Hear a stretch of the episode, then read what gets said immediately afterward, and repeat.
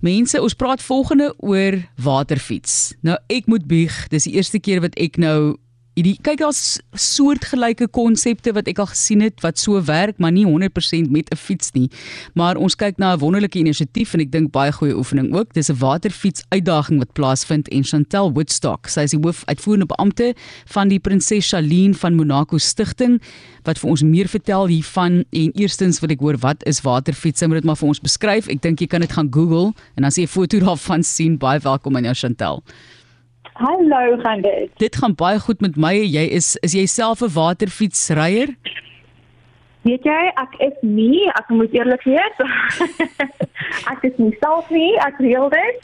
Maar my man is. Wonderlik. My man is my skoonfamilie, my skoonsussie, my skoonboetie, hulle almal is, hulle is baie lief daarvoor. Ek self is nog nie te seker nie.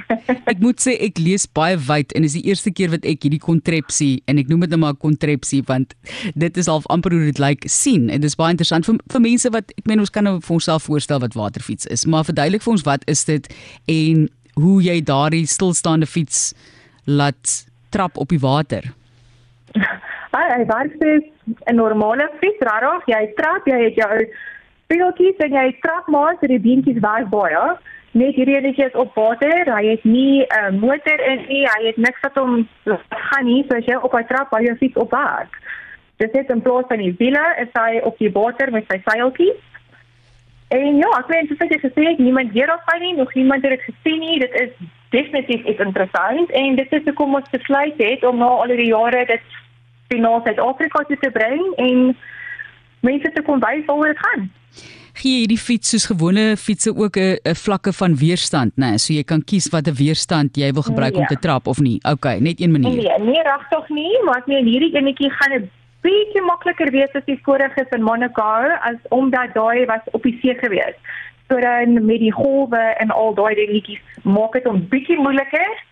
So hierdie enetjie is bietjie makliker want hy's op die water. Dit is 'n gelyke vorm teenoor 'n optrane. Ja. Byvoorbeeld Dit is 'n klein bietjie makliker, maar nog steeds jy moet jy moet trap.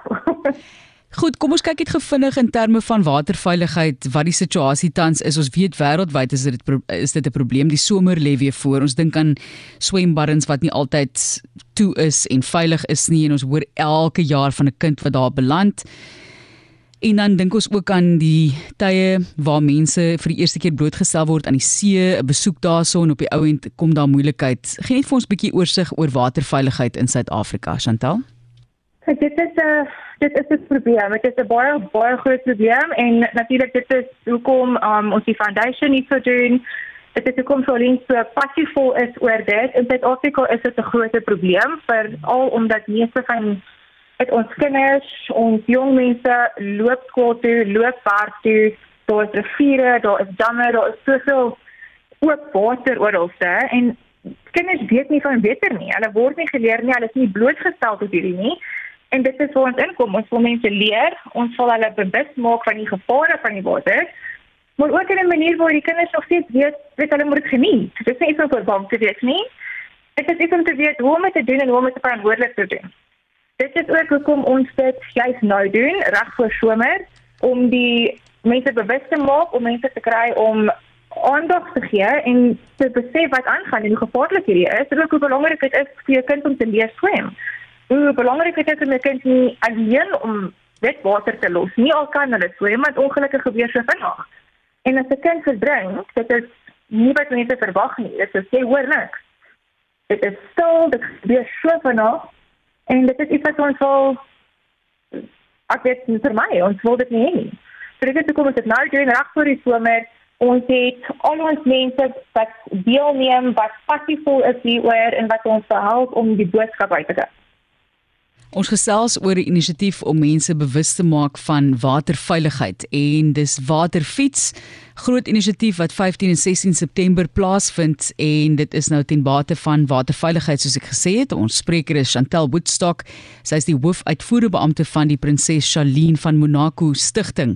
Kom ons praat net gefvinnig oor hoe dit gaan werk. Daar's baie dinge rondom hierdie geleentheid ook, maar waar vind dit plaas? Wie neem deel? Daai tipe van ding en op watter manier dink julle gaan hierdie bewustheid help in terme van waterveiligheid? Sy um, ek dink okay, ons begin by dit punt obviously close by Sun City. So ons gaan dit op die dam doen by Sun City. Ons het 12 spanne wat gaan deelneem en 'n span een span wat staan uit 5 mense uit.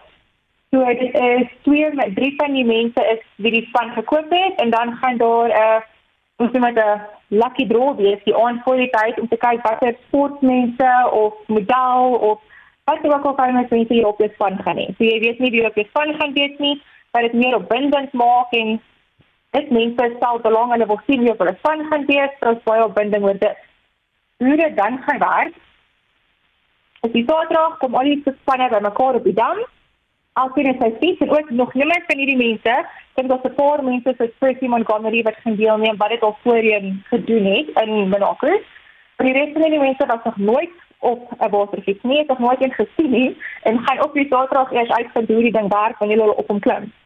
So dit is dan um elke span member moet elke teammate met 1.2 km om die dam doen en elke spannemer moet dit 5 keer doen. So dit is 21 keer om. En totaal, dit is kyk dit is dit is moeilik. Dit is 'n kompetisie, dit is 'n vriendelike kompetisie en hoe ons die mense wil bewus maak daarvoor is die mense spesiaal wat ons help om die boodskap uit te kry. Ons het uh dit is 'n super sport wat ons gaan dees op die dag ooit en dit vir ons afneem en 'n paar onderhoude doen van van verskillende perspektiewe afkry.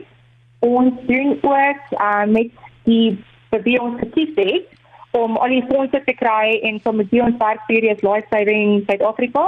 Hulle doen ook 'n uh, waterveiligheidsdag vir ons die dag voor dit.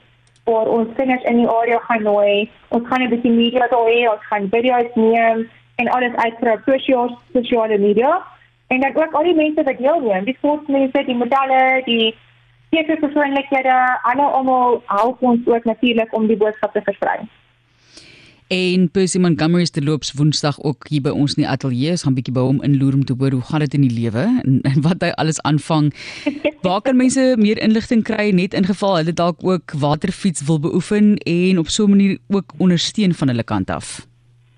Ons hulle kan definitief ons sosiale platforms volg. Dit is op um Instagram is ons PCMF South Africa en ons webwerf is PCMF ook Suid-Afrika is gaan op ons sosiale media, gaan op ons um, netwerk en kyk wat ons doen. Ek het al die inligting is daar so. Al die mense wat gaan deelneem is daar so, die team members, die celebrities. Al die inligting is op al ons sosiale media platforms. Dit is hier op RSG. Baie baie dankie weer eens en sterkte met hierdie inisiatief en weer eens asseblief maak mense bewus van hoe belangrik dit is dat jy waterbronne wat byvoorbeeld nou soos 'n swembad of 'n dam is moet beskerm of 'n persoon beskerm teen dit as hulle nie kan swem nie natuurlik bewusmaking om te leer swem.